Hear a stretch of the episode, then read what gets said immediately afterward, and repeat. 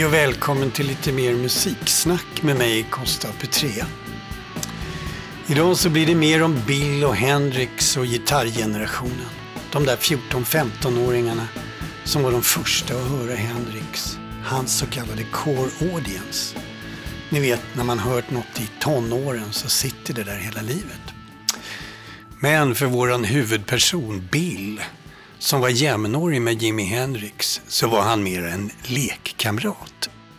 Men det finns ju en del filmat då från hans första Stockholmsbesök. Och sen var han på Gröna. Men han kom över hit. Hade, eh, eh, samtidigt så hade du någon klubb. Ja, men det är nästa gång. Då kommer han på hösten igen. Men då hade inte du klubben då första gången? Nej, Nej, nej. Utan Nej. Då, då var det bara eh, att jag...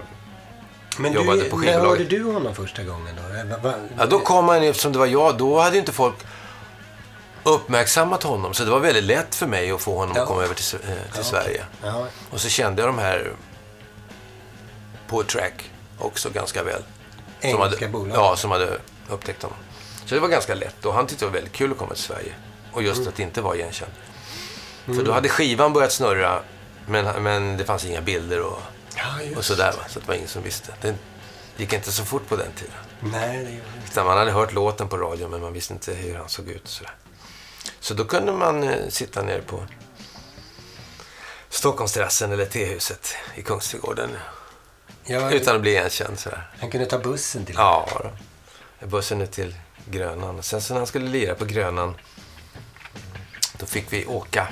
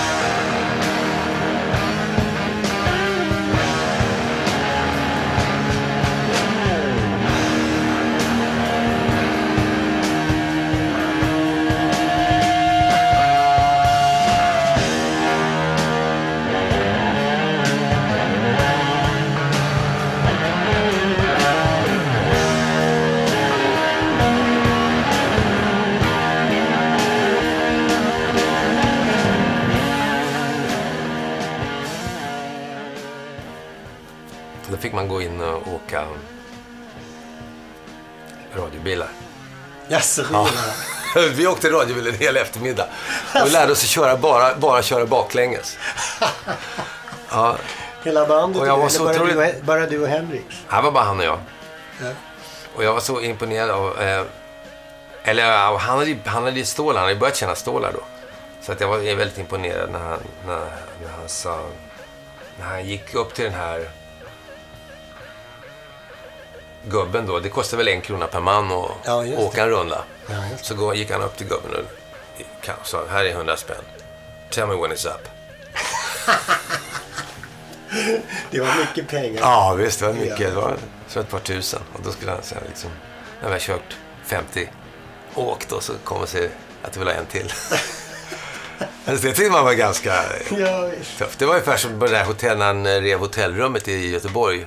Ja, berätta. Eh, då, då, sa, då skulle de där vara så... Då gick vi ner, han och jag, dit och skulle, skulle förhandla med de här upp, otroligt uppretade portierna. Ja. Så. Och så då, då förklarade jag, ja, det kommer kosta det här. Och jag översatte, ja, det kommer kosta det här. Ja, det blir 1500. Och så sa jag 1500 och så sa han, tog han upp vänster ficka och höger ficka. Pounds or dollars.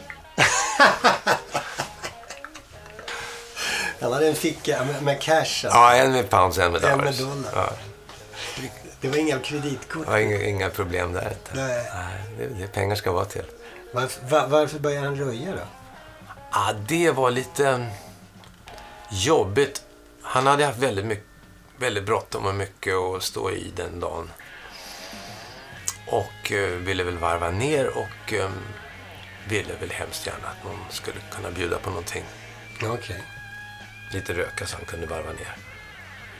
Och då var det ingen som hade det och då var det väl så att jag skulle gå och försöka fixa det. Den snälla Det ingick, ja.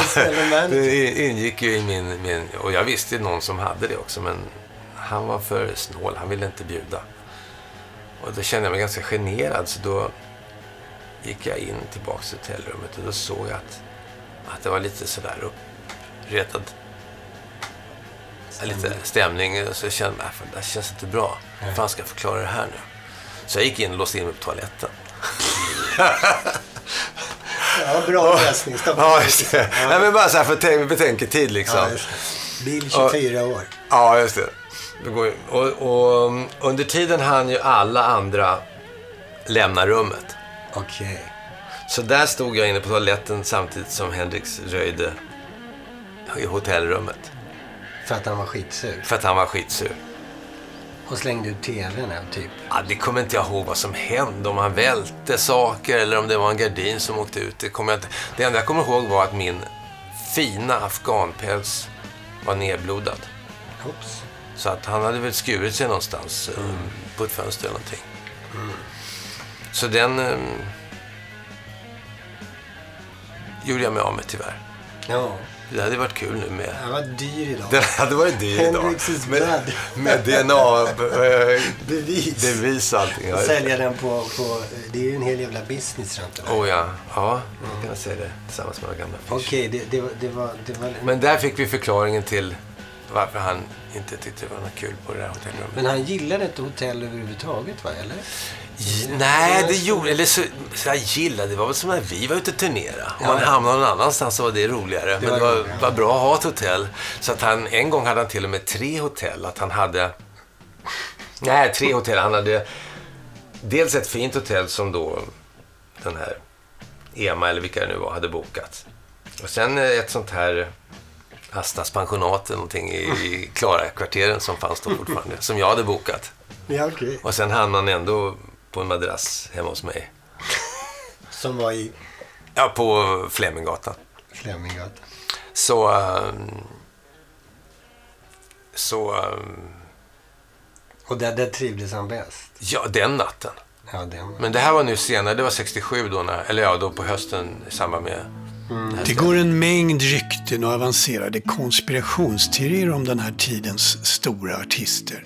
Och inte minst en massa bullshit om vem som var bäst och knasiga grejer om vad den ena eller den andra ansåg.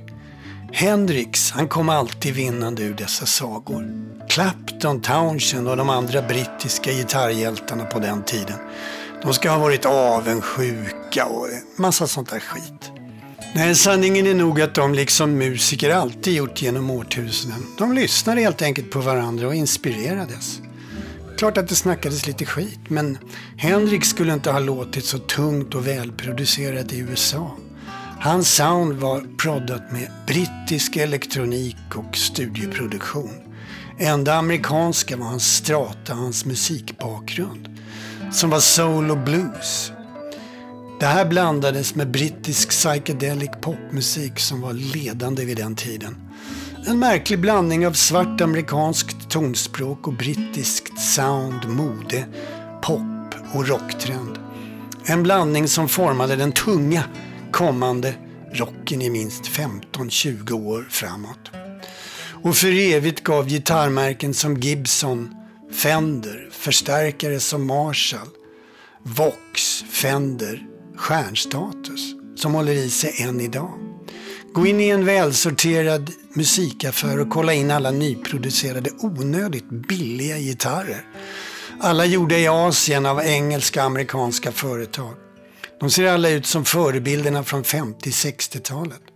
För att inte tala om de unga indie-rock-popbanden som alla skaffat sig originalen för dyra pengar och matchande kläder och frisyrer därtill. Nej, det är nog bara metalscenen som är den som lämnat allt det där. för nya instrument och sound. Men det är en annan podd. De flesta artister som får stor kommersiell framgång de får det på grund av en viss låt eller stor synkronicitet med rörelser i tiden. Nästan alltid en kombination av bägge. Lägg sen till den viktigaste delen, tillgång till ett multinationellt skivbolags marknadsföring. Mer sällsynt är att en genuin musikalisk talang och nyskapande får utrymme i kontoret hos det allsmäktiga skivbolaget. Hendrix är den nyskapande urkraften som råkade hamna rätt i allt det där. Jag har 14-åriga elever som lirar rock. De vet knappt vilka Stones och Beatles är men alla kan lira Purple Haze och ha koll på Hendrix som artist. Han var nyskapande och som sådan har hans musik kvar allt det som attraherade oss fjortisar då, än idag. Något som få artister kommer undan med. Men vi som var unga, 14, 15, 1966, 67, vi var inte avundsjuka. Vi var fast för livet, precis så som alla tonåringar blir när de möter den första musik som berör dem. Vi blev helt uppslukade av Hendrix, Claptons Cream och Peter Greens Fleetwood Mac, som var de samtida. De tog över där The Who banat väg. Min generation är Hendrix och brittbluesrockens generation.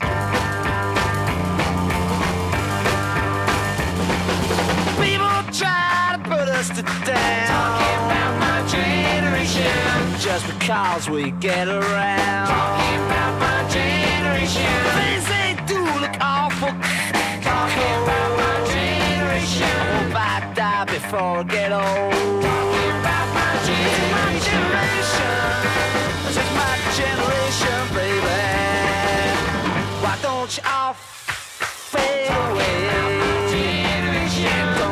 dig what we all say I'm not trying to cause a big sensation. I'm just talking about my generation. My generation.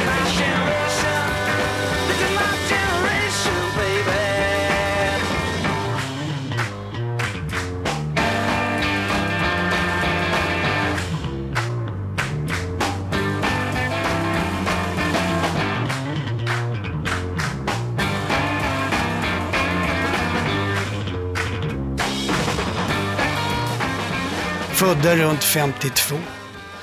Många skaffade sig en gitarr då.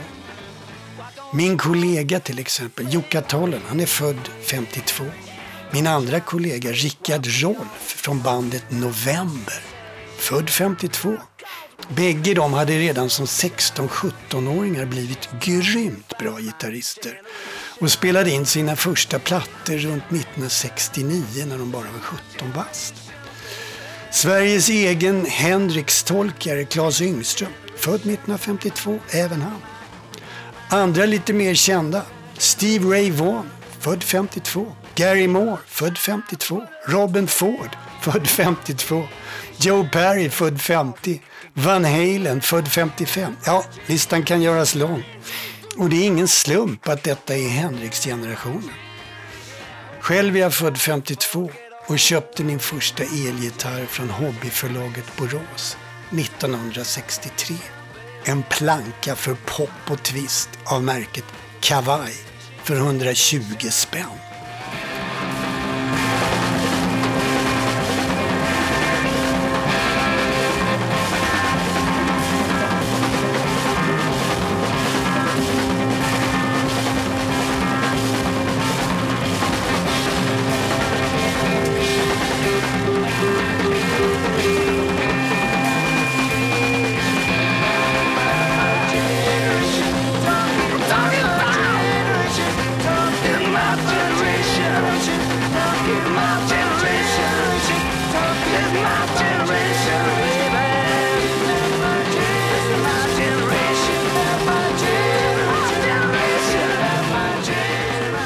Och pop och twist var det gott om i det tidiga 60-talet. Lite menlösa texter i all oskuldsfullhet. Bill stod utanför det som musiker och konsument. Där, där var han helt inne på den afroamerikanska musiken istället. Blues, jazz och soul. Men som nyanställd A&R hos Simon Brems Karusell Records, där fick han sin dos menlös popmusik. Och sen, de här, de, jag hoppade rätt in på de här radiogrejerna efter det. Det var bluesen då, eller? Alltså radiogrejerna kom när radiogrejerna kom. Ja, jag började ju spela då. Eller först spelade jag trummor och, och då fick jag mest, jag var inte någon lysande trummis tror jag, jag var ganska okej. Men då fick jag hoppa in för att brorsan var en bra basist. Och så var han så, han var ju så ung, han var bara 13-14 då. Okej. Så att eh, han fick väl inte riktigt gå hemifrån och gigga eller, eller repa. Ja, okej. Eller det var utan Så att jag var med. med, så. jag hängde väl med där. Så Som snäll storebror. Ja, och vi hade fantastiska grejer som hände. Eh, började spela på skoldanser och sen eh, när man gick på gymnasiet spelade vi i Gamla stan, klubbarna där. Gasell och Frid och Fröjd. Och på tvåan, en gång när vi Gasell, kom... Ja, Gasell. Är det därifrån namnet? Ja, då förstår jag var, var, varför Rune Överman och eh, Dag Häggkvist kallar sitt förlag för Gasell. Ja, det, det är alltså. Stockholms förnäma gamla jazzklubb som startade. Det finns en väldigt fin film om Gasell. Ja, som jag har sett, som har gått en gång på tv. Som eh, är värd att se. Och den startade väldigt tidigt på 50-talet. Mm. Hur tidigt vet jag inte, men den var etablerad när jag gick gymnasiet. Och ehm, ja, en gång, det stora ögonblicket, det var en gång när vi kom gående, min brorsa och jag, kanske jag 17 och han 15, med bas och trumset. Jag hade två säckar med mina trummor. Ja, ja. Och, han, och så höll jag i, i pinnen och han i snäckan på Ja. basen. Så gick vi genom gränderna i Gamla stan. Då kom jag ut en kille. Så, från, går vi förbi och kåkbrinken där. Och så i fyran där så är, låg det här skumma Klubb 2 som var liksom Okej. lite för skumt för, för oss tonåringar. Ja, Lasse Gulan är här nere. Han är jävligt spelsugen. Hans kompisar har gått redan. Men ni kan väl komma ner och sätta upp era grejer. Så då fick vi äran att jamma med Lasse Gullin. Jag har ingen aning hur det kan ha låtit, men vi har faktiskt jammat med Lasse Gullin på en av Gamla stans jazzklubbar. Fan vad roligt. Jag tyckte det lät bra, självklart. Ja, ja. Så det är lite som Sven Klangs orkester när, när han kommer där och grabbarna, små grabbarna i, i- det lokala bandet får, får träffa en riktig Ja. altsaxofonist. Ja. Fast det här var ju, han var ju en riktig stjärna då. Ja, Gullin var ju stor stjärna Jättestjärna. ja. då. Mm. Ja, vad kul. Men det är klart. Men sen då? Sen blev det blues. Hur kom det? Eller? Ja, det, jo, men det var hela tiden parallellt. Alltså när jag spelade, ja det blev att man lyssnar mer och mer på blues faktiskt. Men, och hur, kom det, hur kommer det sig att du kom in på radio? Alltså, från radion, det var, det var helt enkelt det att det här med blueskvarter hade ju varit en angelägenhet för de vuxna. Det var ju som, som en sorts folkmusikprogram då. Det fanns ju ingen, inget tonårsappeal i det alls. Nej, nej. Utan det var ett vuxenprogram verkligen. Okej. Medans då Vad, het, vad hette det, det, de programmen du gjorde? Vad, var det för programserie? Tänk, det kommer jag inte ens ihåg. Utan det var Rune Hallberg som då tyckte att eh, han förstod, eh, genom att jag spelade och jobbade med musik, förstod att jag förstod mig på det där. Rune Hallberg, en Ja, gammal på radio, ra- på radion. Ja. profil, ja. Så sa han då att kom, vill du göra sommarprogram här om soul?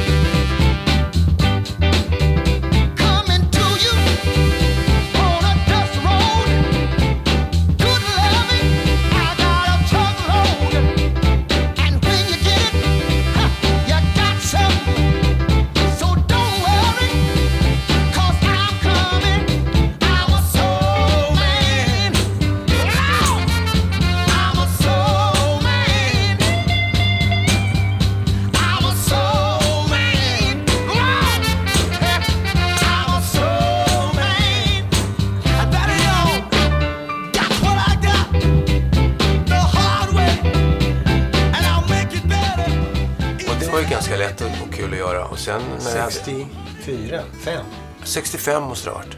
Okej. Mm.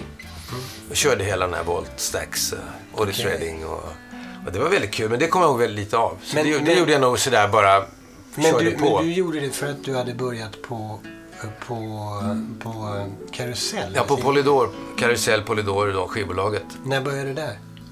Jag började nog 65. Det måste ha varit sommaren 65. Ja. Som- talangscout? Nej, Som alltså A&R. Hette det då. Ja, Eller det hette egentligen det producent och A&R. Ja.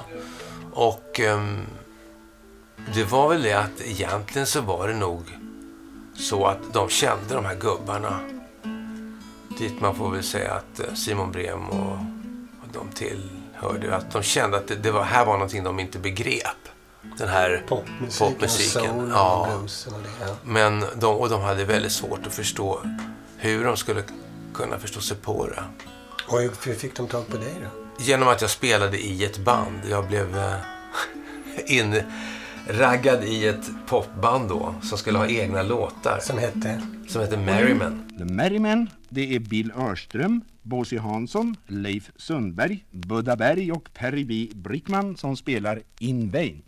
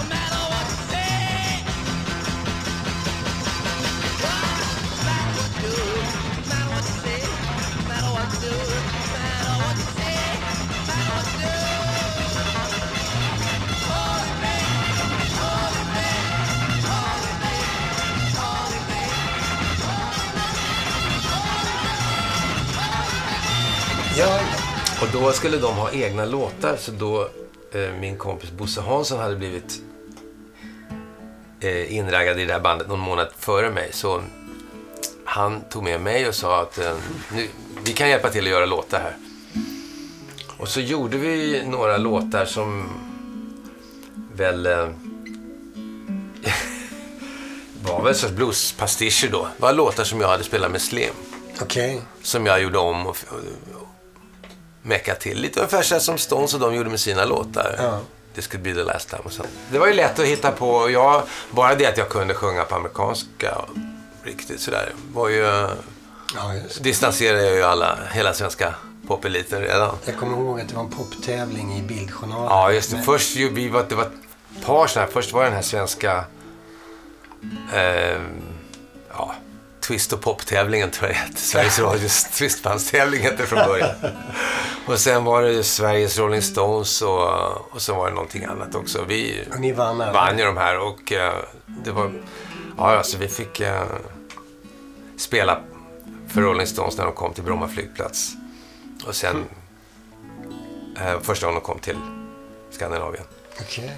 Och sen fick vi spela förband åt dem. Och då hade jag inte ens en aning om vad Rolling Stones var. Jag visste inte, Okej. inte hur de lät. Alltså. Jag var inte det minsta intresserad måste jag säga. Och när jag träffade dem blev jag inte mer intresserad heller. Nej. Nej. Ehm, Varför det? Ja, de var... Jag vet inte. De gav ingen gediget intryck. Det var...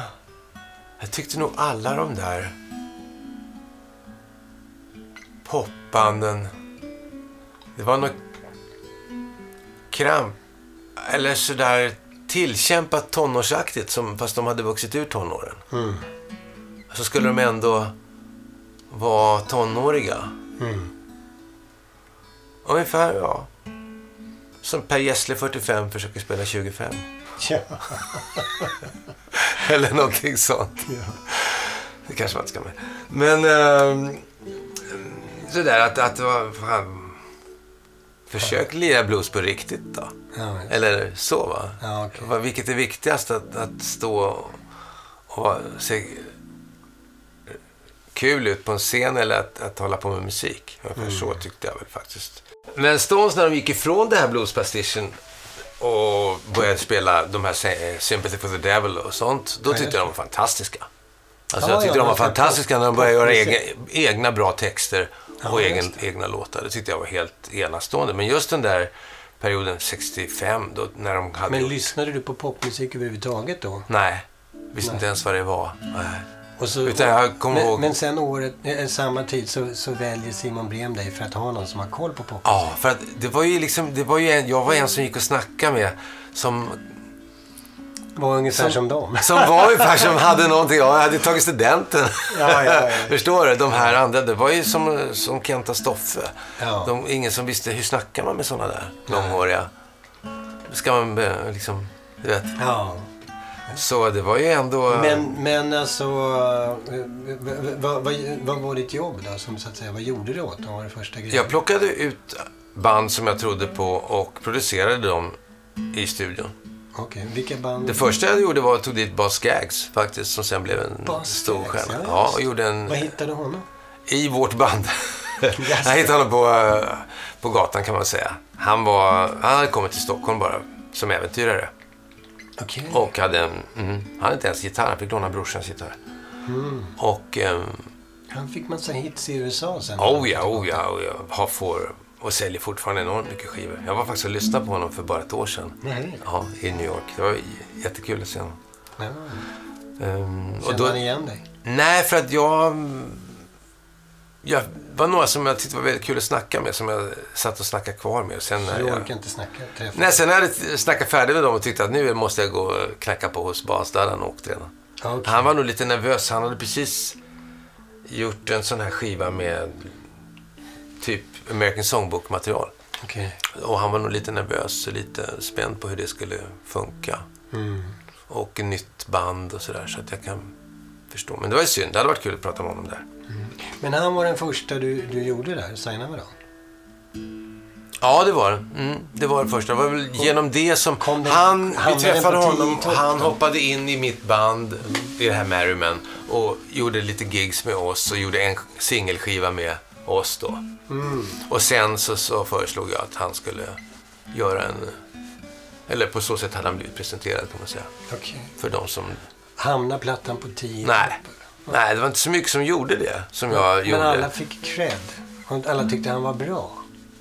Ja, oh ja, oh ja. Jag gjorde mest, ja, det var väl min eh, nisch där. Eh, att vara en sån här kille som gjorde bra grejer och svåra, lite svåra grejer och lite speciella grejer. Men, Som, men som eh, den här Arne Rosen och sånt där. Rosen, ja. Nej, det var... När man söker stundens sorger glömma är det skönt att vaken gå och drömma Glömma att lyckan flugit har sin ko så att du ej fick min feta ros. Ty just nu idag så köpte jag en liten ros i en blomsteraffär. En ros röd som blod Så att du förstod att det är dig som jag håller kär.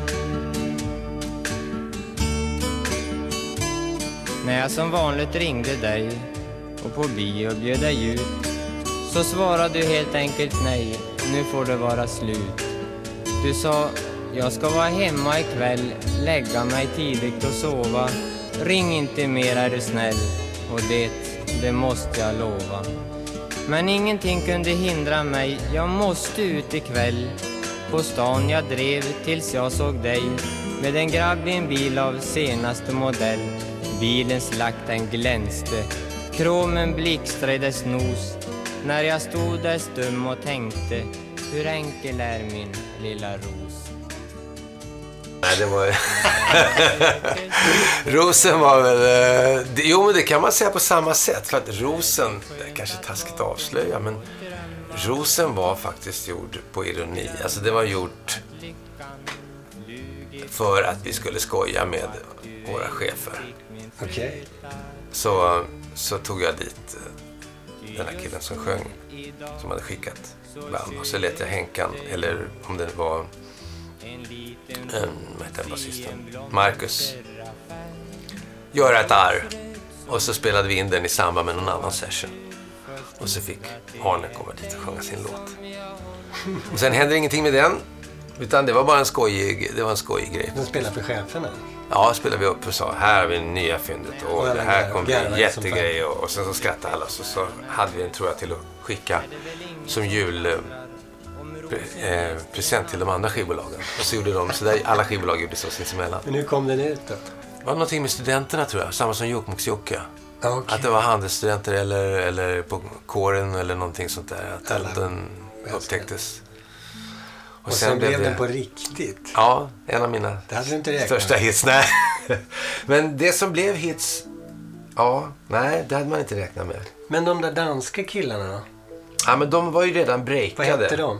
Eh, The Lollipops. Lollipops. Men de hade redan breakat när jag fick dem, så att säga. Ja, Så att det var inte jag som breakade dem, utan de hade gjort en skiva först och sen fick jag ta över. Men jag gjorde väldigt bra skivor. De, blev väl lite, de fick väl lite mer anseende. Sen de, efter de skivorna som jag gjorde. Precis som vi sa. ja. Med mindre topplisteplacering. Men det var din producentgrej det. Sen, sen Ja, är jag- A&R, de utländska banden som, som de tog över. Där gjorde jag riktigt eh, intressanta grejer. För att Ja. jag plockade över, dels plockade jag över banden då. Som var väldigt okända då. Cream och Who och eh, Jaha, du, du gjorde konserter med dem? Ja, och promotion gigs.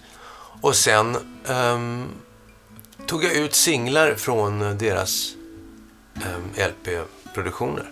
Ja, ja. Som jag lanserade som singlar i Sverige. Och det är ganska kul för att det är många... De har ju väldigt samlarvärde de här plattorna. För att det gavs ju bara ut i Sverige. De singlarna... nå- Någon singel med Who som hette... Ja, vad hette den? T, Bucket T någonting. Nej, Ja. den, finns bara där? Ja, den finns bara utgiven i Sverige som singel. Och eh, med Love and Spoonful, en låt som heter Ballhead Lina. Ja, den Som också bara gavs ut i Sverige, som jag valde ut.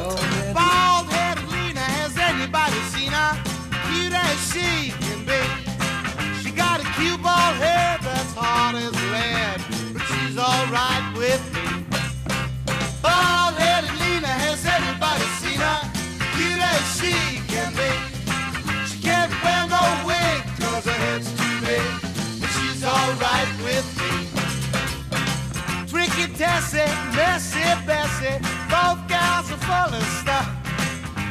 Mella, Ella, crazy Stella, both them gals are tough. They used to say Daisy, she's so crazy, don't know night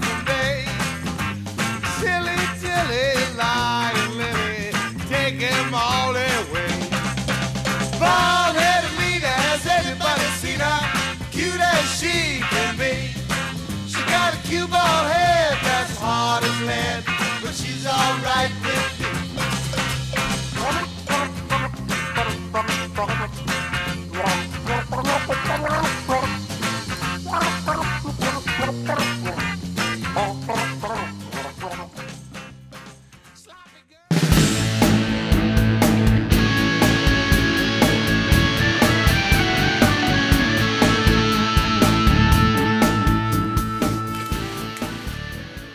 Kommer en liten eh, lista på den musik som ni lyssnade på.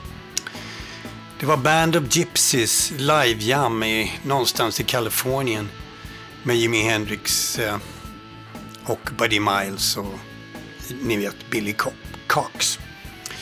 Och eh, efter det så var det My Generation och den är skriven av Pete Townshend. Och sen var det Soul Man med Sam och Dave. Den är skriven av Isaac Hayes och David Porter. Och sen kom vår egen lilla Playboy, Love in Vain av Merryman med Bill Örström. Jag tror att det är Bill och Bosse Hansson som har skrivit den. Vi säger det. Sen får de andra killarna demontera det. Och sen var det i alla fall eh, Rosen och det är skriven utav en, en gammal Hälsingeprofil. Han är, eh, han är eh, en eh, levande, eh, inte levande, en död legend därifrån. Som heter Erik Ingvar Bergman. Det vet säkert alla konstiga hälsingetyper från ifrån Bollnäs, vem det är. Och så avslutningsvis Bald Headed Lena med Loving Spoonful skriven av Edward Sneed, eller Sned, och Willie Perryman. Låter som några sådana här eh, nicknames. Ja, that's it. Det kommer en tredje del om Bill och hans ännu mer osannolika äventyr. Kolla upp det där. Vi ses. Hej då!